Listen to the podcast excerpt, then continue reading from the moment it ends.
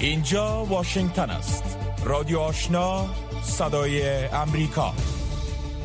سلام و صبح همه شما و خیر. آواز ما را از امواج رادیو آشنا صدای امریکا مشنوین روی زمانی هستم با تقدیم برنامه دوشنبه 16 ماه می سال 2022 میلادی. نخست از همه مشروع خبرها را از همکارم ژیلا سمی مشنوید با عرض سلام. یک منبع نزدیک به حامد کرزی رئیس جمهور پیشین افغانستان به صدای امریکا گفته است که آقای کرزی تصمیم دارد برای ابراز تسلیت به خانواده شیخ خلیفه بن زاید آل نهیان و امارات متحده عربی سفر کند. و گفته این منبع رئیس جمهور پیشین به وزارت خارجه طالبان در مورد سفرش اطلاع داده اما تا کنون پاسخی از مقام های طالبان دریافت نکرده است. این منبع که نخواست نامش گرفته شود به صدای امریکا گفت که آقای کرزی می‌خواست روز شنبه 14 می با پرواز کام ایر و یک جا با مقام های امارات متحده عرب سفر کند. اما طالبان سفر او را رد یا تایید نکردند و به دفتر رئیس جمهور پیشین گفتند که منتظر جواب باشد. حامد کرزی عبدالله عبدالله رئیس پیشین شورای عالی مصالحه ملی و فضل هادی مسلمیار از برجسته ترین چهره های حکومت پیشین افغانستان که پس از مسلط شدن طالبان بر آن کشور هنوز در افغانستان به سر می‌برند. عبدالله عبدالله قبل از عید فطر برای نخستین بار در بیش از هشت ماه به بیرون از افغانستان سفر کرد. پیش از آن آقای مسلمیار نیز به امارات متحده عرب سفر کرد و دوباره به افغانستان برگشت. بر اساس برخی گزارش ها طالبان از این سیاستمداران پیشین افغان زمانت گرفتند که دوباره به افغانستان برگردند. طالبان تکنون در مورد سفر آمد کرزی به امارات متحده عرب چیزی نگفتند. چند پیش محمد خالد انفی سرپرست وزارت امر و معروف و نهی از منکر گروه طالبان حامد کرزی عبدالله عبدالله و فضل هادی مسلمیار را مجرمین بزرگ خان که به گفته او عفو شده و از آنان محافظت می شود پیمان اتلانتیک شمالی یا ناتو روز یکشنبه و فرامآوری کمک های نامحدود نظامی با اوکراین تعهد کرد. در جریان نشست دیروز وزیران خارجه ناتو در برلین پایتخت آلمان انالیا بیرباک. وزیر خارجه آلمان گفت که این پیمان تا زمان کمک نظامی به اوکراین فراهم خواهد کرد که این کشور برای دفاع از خود به آن نیاز داشته باشد. این در حال است که حکومت فنلند دیروز رسما عزمش را برای پیوستن به ناتو در حال اعلام کرد که حزب حاکم این کشور نشست سرنوشت ساز را در این خصوص برگزار می کند بر اساس معلومات حکومت فنلند این کشور با سیمیدن یک جا درخواست مشترک را به ناتو خواهند سپرد. اردوی فنلند از بیش از 75 سال به این سو غیر منسلک بود و این اقدام تحول بی سابقه را در بخش سیاست نظامی این کشور نشان می‌دهد. سویدن نیز برای بیش از 200 سال است که اردوی مستقل دارد. اما انتظار می رود پس از نشست روز دوشنبه پارلمان این کشور تصمیمش را در این خصوص اعلام کند. سفارت ایالات متحده در کیف روز یکشنبه اعلام کرد که اوکراین بسیاری از توپخانه های جدید امریکایی خود را در خط مقدم جنگ مستقر کرده است. این معموله به عنوان بخش از بسته کمکی 800 میلیون دلاری امریکا و نیروهای مسلح اوکراین برای مقابله با تهاجم روسیه تحویل کیف شده است. توپخانه M777 توپهای سبک با قابلیت های جابجایی سریع برد طولانی و دقت بالاست. در حال که تهاجم روسیه با اوکراین وارد 81 روز خود شده است اردوی اوکراین از آغاز یک حمله علیه نیروهای روس در نزدیکی شهر ایزوم در شمال شرق اوکراین در نزدیکی خارکیف خبر به گفته مقام های اوکراینی نیروهای روس هم اکنون در حال عقب نشینی از مناطق نزدیک خارکیف دومین شهر بزرگ اوکراین و هم مرز با روسیه هستند. در این حال برآورد سازمان استخبارات نظامی بریتانیا در روز یکشنبه حاکی است که روسیه یک سوم از نیروهای زمینی خود را از آغاز تهاجم به اوکراین از دست داده است. بر اساس این برآورد روسیه از برنامه ریزی خود برای تصرف دونباس به طرز چشمگیری عقب مانده است و بعید به نظر می رسد که در سی روز آینده پیشروی های سریعی در این منطقه انجام گیرد اخبار را از رادیو آشنا صدای امریکا دنبال می کنید. یک روز پس از آن که یک مرد مسلح ده نفر را در یک فروشگاه مواد غذایی در ایالت نیویورک کشت بر اثر تیراندازی یک فرد مسلط در داخل کلیسایی در جنوب کالیفرنیا در روز یکشنبه یک نفر کشته و چهار نفر دیگر به شدت مجروح شدند. کری براون سخنگوی اداره پلیس آرنج کانتی گفت که فرد مسلط در خارج از کلیسای پروتستان جنو در لگونا وودز بازداشت شد. او گفت که انگیزه این گلوله‌باری بالفاصله مشخص نشده است. این کلیسا در شهر لگونا وودز در 79 کیلومتری جنوب غرب شهر لس آنجلس واقع شده است. ایالات متحده در نظر دارد تا پنج گروه افراطی را از فهرست سازمان های توریستی خارجی حذف کند بسیاری از این سازمان های افراطی در گذشته و مسابقه تهدید جدی تلقی می شدند که صدها انسان را در سراسر آسیا، اروپا و شرق میانه کشتند. اگرچه این سازمان ها در حال حاضر غیر فعالند تصمیم بر حذف این گروه های افراطی برای اداره جو بایدن رئیس جمهوری ایالات متحده و کشورهایی که این گروه ها در آن فعالیت داشتند به مسابقه یک موضوع حساس تلقی می شود حذف این گروه ها از فهرست سازمان های تروریستی خارجی امریکا ممکن با انتقاد خانواده های قربانیان مواجه شود. باسک گروه جدایی طلب در شمال اسپانیا و جنوب غرب فرانسه فرقه اوم شینریکو در ژاپن کاهانکاج یک گروه رادیکال یهودی و دو گروه اسلامگرا که در اسرائیل، فلسطین و مصر فعال بودند شامل این سازمان ها می شوند. وزارت خارجه ایالات متحده اخیرا با ارسال یادداشت به کانگرس امریکا در مورد حذف این سازمان ها اطلاع داده است. سومالیا پس از انتخابات به تحریق افتاده ای که در نهایت صورت گرفت روز یک شنبه برای دومین بار ریاست جمهوری را به حسن شیخ محمد واگذار کرد پس از یک نظرسنجی فوری با حضور 36 نامزد که به طور زنده از تلویزیون دولتی پخش شد. مقامات پارلمانی بیش از 165 رای به نفع حسن شیخ محمد رئیس جمهور سابق دادند که بیش از تعداد مورد نیاز برای شکست محمد عبدالله محمد رئیس جمهور فیلی محسوب می شود و شرکت دولتی نفت و گاز عربستان آرامکو از رشد 82 درصدی سود خالص شرکت. در سه ماه ابتدایی سال جاری میلادی نسبت به دور مشابه پارسال خبر داد. بر اساس این گزارش که روز یکشنبه منتشر شد سود خالص این شرکت در دوره یاد شده به 39.5 میلیارد دلار رسیده است. بخش اعظم این رشد مربوط به جایش قیمت نفت در بازارهای جهانی و بخش دیگر مربوط به افزایش تولید نفت و بهبود آشیه سود پالایشگاه های آرامکوست سود خالص این شرکت در سال گذشته نیز رشد 124 درصدی نسبت به سال 2020 داشت. پایان اخبار از رادیو آشنا صدای امریکا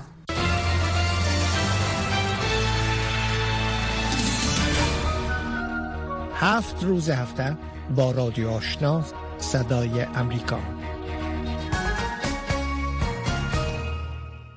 شما مشروع خبرها را شنیدید و حالا می پردازیم به گزارش های این بخش برنامه. در نخستین گزارش وزارت صحت عامه حکومت طالبان در مراسم گرامی داشت از روز جهانی قابله ها گفت با که همکنون بیش از 34 هزار قابله در این وزارت ثبت نام است اما از این جمله فقط برای بیش از 6 هزار تن آنان زمینه کار فراهم شده است. در همین حال سفیر قطر می‌گوید که کشورش برای کمک به مردم افغانستان در بخش های مختلف از جمله صحت متعهد است. جزیات بیشتر را در گزارش تقدیم شما می‌کنیم وزارت صحت عامه حکومت طالبان به همکاری سفارت قطر در کابل از روز جهانی قابله ها تجلیل کرد. محمد اسحاق صاحبزاده معین مالی و اداره وزارت صحت عامه روز یکشنبه در این مراسم گفت که حکومت طالبان برای فراهم کردن زمینه کاری، تحصیلی مالی و ارتقای ظرفیت قابله ها و مسئولیت آنان متعهد است. با گفته صاحب زاده وزارت صحت تا اکنون 34825 قابله را در نزد خود ثبت دارد که از این میان برای 6033 نفر زمینه کار فراهم شده است. معین مالی و اداری وزارت صحت حکومت طالبان افزود 448 تن آنان در بخش های مدیریتی مصروفند برای 1370 تنشان در بخش ارتقای ظرفیت و آموزش های مسلکی زمینه فراهم شده و در نتیجه تلاش وزارت صحت دوره لیسانس قابلگی در پهندون کابل ایجاد شده است آقای صاحب زاده از تمام نهادهای بین‌المللی خواست که صدر را سیاست جدا بدانند و با توجه به اینکه اکنون زمینه کمک در بخش‌های مختلف به ویژه سکتور صد فراهم شده است از افغانستان حمایت کنند. هیلای غرشین رئیس شورای قابله ها و نرس های افغانستان در این نشست گفت که مکنون سه کتگوری قابله در افغانستان فعالیت دارند. دیپلم یا 14 پاس که در انستیتوت های دولتی و خصوصی دو ساله آموزش دیدند قابله های لیسانس که در یک بنزه دولتی و شش بنزه خصوصی درس خواندند. اما خانم غرشین افزود که زیادترین قابله ها را قابله های جامعه تشکیل میدند که آموزش های کوتاه مدت دیده و یا تجربه دارند که شمارشان به 6000 تن می‌رسند. رئیس شورای قابله ها و نرس های افغانستان گفت دولت امارت اسلامی افغانستان همکاران و مؤسسات ملی و المللی ما را همکاری نموده تا بتوانیم ارائه خدمات با کیفیت و خوبتری داشته باشیم. زمین سازی برای قابله ها جهت تحصیلات عالی و انکشاف سیستم متمم قابلگی یا برجنگ قابلگی. زبیح الله مجاهد سخنگوی حکومت طالبان در این مراسم گفت که قابله ها نقش حیاتی در نجات جان مادران و نوزادان و حق بیشتر بر جامعه دارند. سخنگوی حکومت طالبان خطاب به وزارت صحت گفت که حقوق قابله ها را آنچه شایسته اند اعاده کند. آقای مجاهد در پاسخ به خواستهای شورای قابله ها و نرس های افغانستان افزود. امارت اسلامی افغانستان هم تلاش می‌ورزد که حقوق قابله های ما محفوظ باشه قسمی که خواهر ما پیشنهاد کردن ما را ثبت کردیم با خود. تلاش می‌ورزیم که حقوق آنها پرداخته شود و همچنان توجه جدی صورت بگیره به تحصیلاتشان به امتیازاتشان. و قدردانی صورت بگیره از زحماتی که یا می‌کشن سید بن مبارک الخیارین الهاجر سفیر قطر گفت که آن کشور در بخش های مختلف 12 میلیون دلار به افغانستان کمک کرده و بیش از 1.2 میلیون افغان از این کمک ها مستفید شدند با گفته سفیر قطر دولت وی از طریق هلال احمر کشورش به افغانستان کمک های بیشتر در بخش صحی به ویژه آموزش قابله ها در چندین ولایت انجام داده است. از طریق پروژه های صحی دوربر 5 میلیون دلار 900 هزار مستفید شونده داشته ایم. در این پروژه آموزش 24 قابله از نقاط دوردست افغانستان نیز شامل بوده است. سفیر قطر افزود که آن کشور در بخش های مختلف به ویژه سکتور صد به همکاری با افغانستان ادامه می دهد. حکومت طالبان در حال نقش قابله ها را در جامعه مهم عنوان می کند که از حدود نوما به این طرف دروازه های مکاتب متوسطه و لیسه را برای دختران بسته است و هنوز مشخص نیست که چه زمان دانش آموزان بالاتر از صنف ششم اجازه آموزش می‌یابند. رادیو آشنا صدای امریکا منبع موثق خبرها و گزارش های جهان و افغانستان یافته های نظرسنجی نهاد سیف چلدرن نشان می دهد که یک بر سی خانواده ها در افغانستان از زمان تسلط طالبان در ماه آگست به این سود تمامی درآمد خانواده خود را از دست دادند. به اساس این نظرسنجی حدود 80 درصد خانواده ها کودکانشان را برای کار میفرستند در حالی که طالبان به تعهدشان در مورد حقوق زنان و آزادی های اجتماعی پشت پا زدن. آیا جامعه جهانی با کمک های بشری خود برای مردم افغانستان که در حالت دشوار اقتصادی به سر می‌برند ادامه خواهد داد؟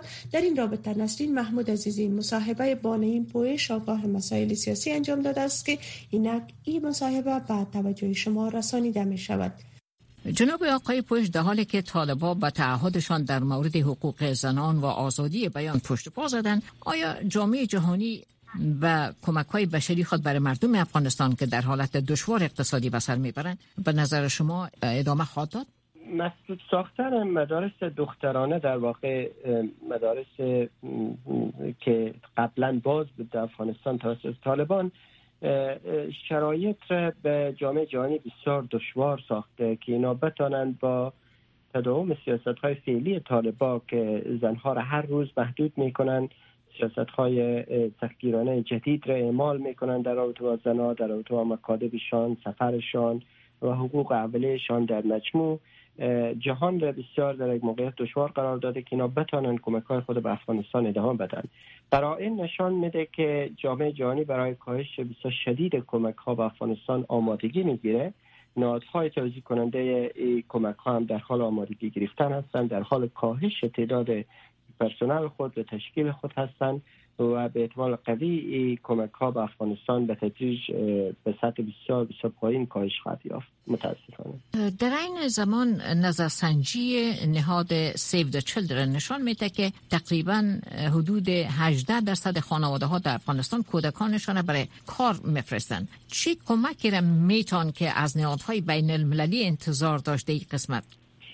متاسفانه فقر در افغانستان روز به روز افزایش پیدا می‌کنه. خوب شدن کل اقتصاد افغانستان و متوقف شدن کمک های جامعه جهانی به افغانستان توقع میره که هنوز هم ما با میزان پیشرونده فقر مواجه باشیم. کار که در این مقطع جهان می‌تونه با مردم افغانستان بکنه مسئله موثریت کمک هاست و ای که اجازه بده که کمک ها بیشتر به مردم افغانستان برسه تا ای که برای فعلی یا روش های قبلی که به صورت بسیار لاکشری کمک ها مصرف می‌شد و یک بسیار کم از را به مردم می‌رسید.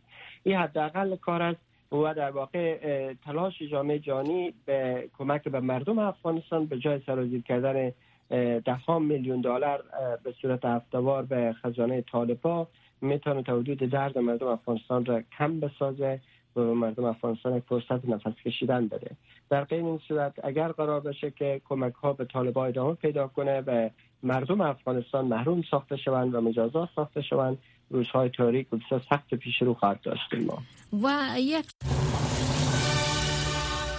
رادیو آشنا صدای امریکا هفت روز هفته خبر و گزارش ها و تحلیل های خبری روز. وزرای امور خارجه سی کشور عضو ناتو در حال برگزاری دو روز مذاکرات در اخیر هفته در برلین هستند که روی عضویت سویدن و فنلند دو کشور شمال اروپا به ناتو متمرکز است. حکومت فنلند امروز رسما عزمش را برای پیوستن به سازمان پیمان اتلانتیک شمالی در حال اعلام کرد که حزب حاکم این کشور نشست سرنوشت سازی را در این خصوص برگزار می کند انتظار می رود که سویدن نیز ظرف چند روز آینده درخواست رسمی برای پیوستن به ناتو را ارائه دهد. شرح بیشتر گزارش را از نجیب خلیل مشنوید نیروهای پلیس در اطراف دفتر امور خارجه فدرال آلمان در برلین جایی که نشست وزرای خارجه ناتو روز یکشنبه برگزار گردید تجمع کردند. آلمان میزبان نشست غیررسمی وزرای خارجه ناتو در برلین است تا درباره تقویت این ائتلاف در پرتو تهاجم روسیه به اوکراین و همچنان عضویت فنلند و سویدن به ناتو گفتگو کنند. معاون منشی ناتو روز یکشنبه گفت که ناتو مطمئن است که می تواند بر مخالفت های ترکیه غلبه کند و به سرعت فنلند و سویدن را بپذیرد. زیرا ناتو برای گسترش تاریخی در منطقه شمال اروپا به دلیل جنگ روسیه علیه اوکراین آماده می شود انتونی بلینکن وزیر امور خارجه امریکا نیز روز شنبه برای اشتراک در این نشست غیر رسمی وارد آلمان شد. در این گرد همایی بر علاوه بحث روی اقدامات فنلند و سویدن برای پیوستن به ائتلاف نظامی طرقی که ناتو می تواند از اوکراین حمایت کند بدون اینکه وارد درگیری با روسیه شود نیز بررسی خواهد شد. مسکو هشدار داده است که در واکنش به تصمیم فنلند برای عضویت در ناتو گام های نظامی نامشخصی برخواهد داشت. بلینکن همچنان قرار است در این سفر با همتایان خود در ناتو از جمله وزیر خارجه ترکیه دیدار کند. از جانب دیگر معاون منشی ناتو روز یکشنبه پیش بینی کرد که اوکراین می تواند در نبرد خود در برابر نیروهای متجاوز روسیه پیروز شود. تهاجم وحشیانه روسیه شدت خود را از دست می دهد و با حمایت قابل توجه متحدان و شراکا و کمک میلیاردها دلاری حمایت نظامی، حمایت مالی، حمایت های بشردوستانه می دانیم که با شجاعت مردم و اردوی اوکراین و با کمک ما اوکراین می تواند در این جنگ پیروز شود. از سوی دیگر ولادیمیر زلنسکی رئیس جمهور اوکراین روز شنبه با هیئت از مجلس اولیای کانگرس ایالات متحده دیدار کرد. رهبری این هیئت را مچ مکانو رهبر جمهوری خواهان سنا به عهده داشت. زلنسکی ابراز امیدواری کرد که سنای امریکا به سرعت بسته از بودجه اضافی برای حمایت از مردم اوکراین را تصویب کند.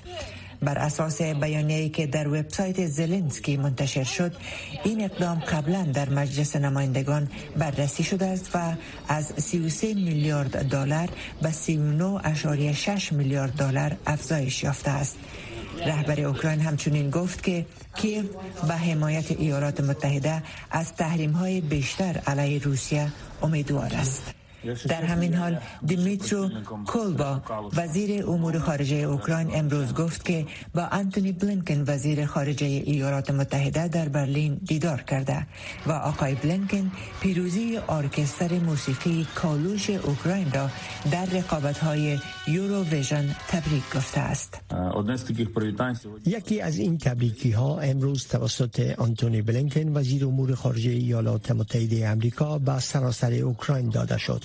ما هرگز فرصت را از دست نمی دهیم تا مواضع خود را با او هماهنگ کنیم و ترتیبات جدید برسیم تا اوکراین را قوی تر سازیم اروپا را قوی تر سازیم و تمام منطقه یورو اتلانتیک را قوی تر سازیم ارکستر کالوش اوکراین در اولین ساعات امروز یکشنبه در مسابقه آواز یوروویژن سال 2022 در تورین برنده شد و 439 امتیاز از آرای عمومی را به دست آورد.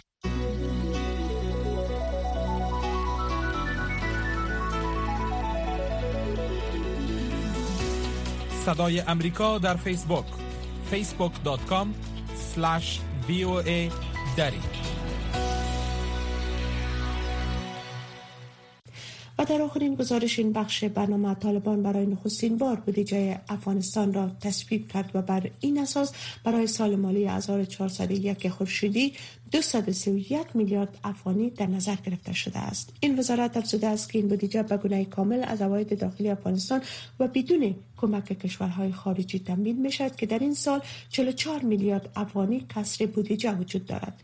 همکارم محمد احمدی در این مورد با آزرق شافیزی کارشناس مسائل اقتصادی و تجارتی صحبت را انجام داده است که اینک بعد توجه شما رسانیده می شود وزارت مالی طالبان 203 میلیارد افغانی را به بودجه عادی و حدود 200 برز مزارت 27.9 میلیارد دلار را به بودجه انکشافی اختصاص داده است. اواید این منابع به نظر شما با در نظر, با در نظر داشت شرایطی که افغانستان یعنی از بحران بشری و انسانی مواجه است کجا می باشد؟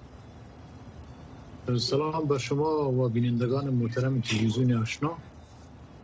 این بودجه که ترتیب شده از 20 سال گذشته به این طرف کوچکترین بودجه است که از طرف دولت افغانستان ترتیب شده.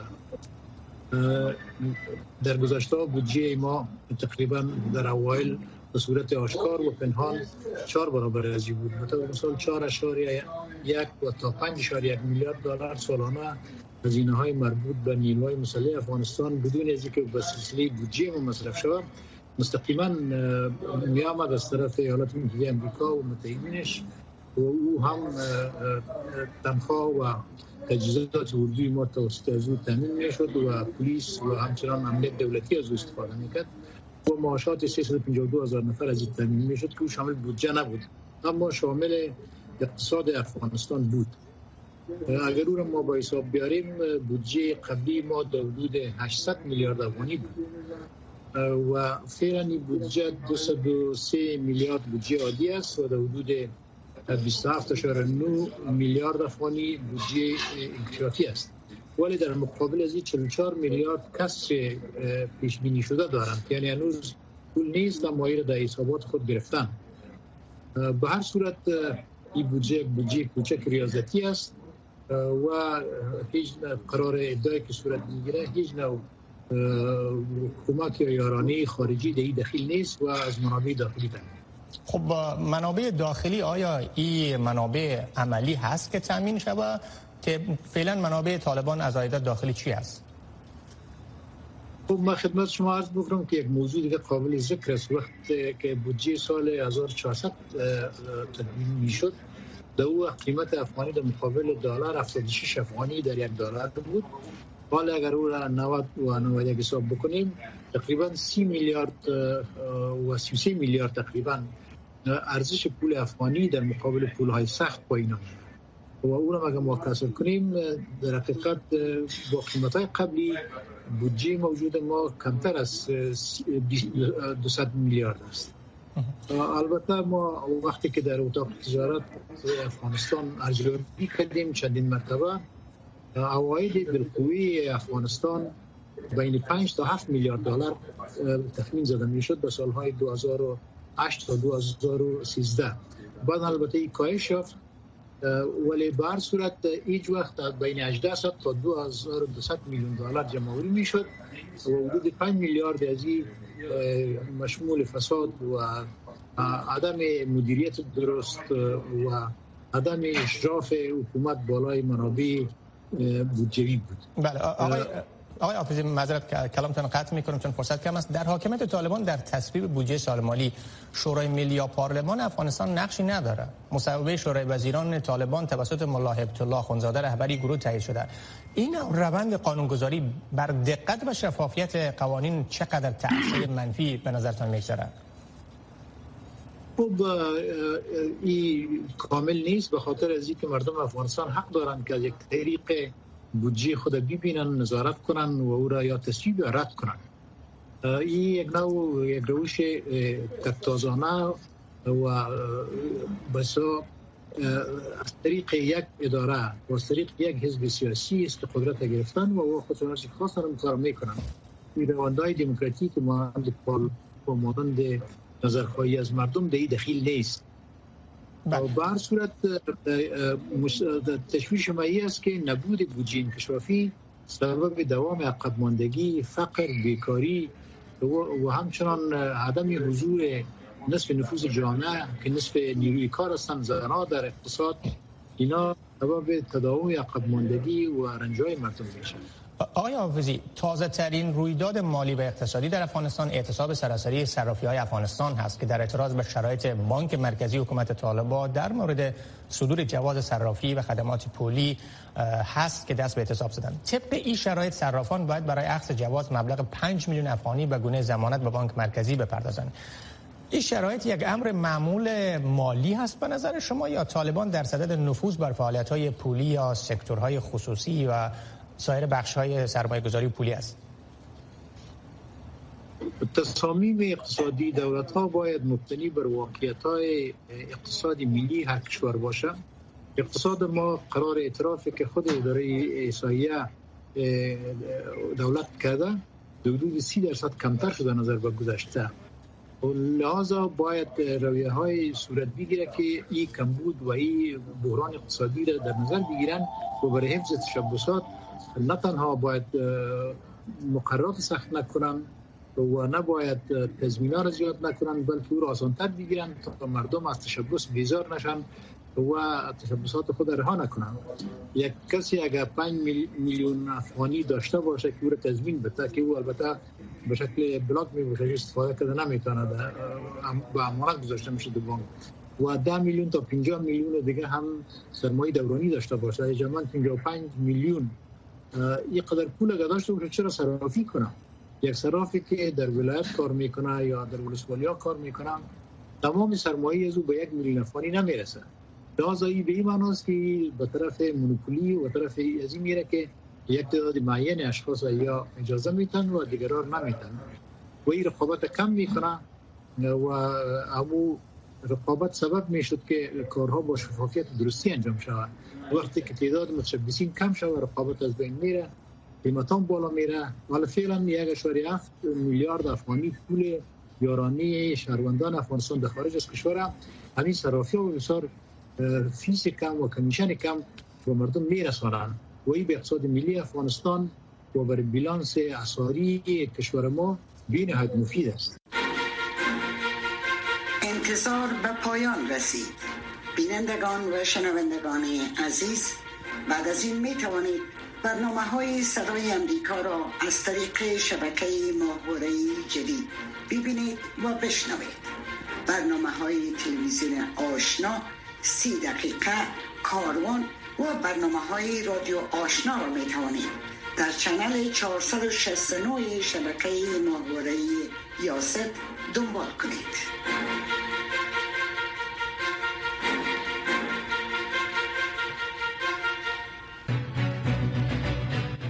شنونده های محترم این بود داشته های برنامه های امروز صبحگاهی رادیو آشنا. صدای امریکا که تقدیم شما شد برنامه های رادیو آزادی روی عین موج آغاز می شود تا هفته شام که ما دوباره در خدمت شما قرار می گیریم روز خوش را در پیش داشته باشین. الله نگهدار همه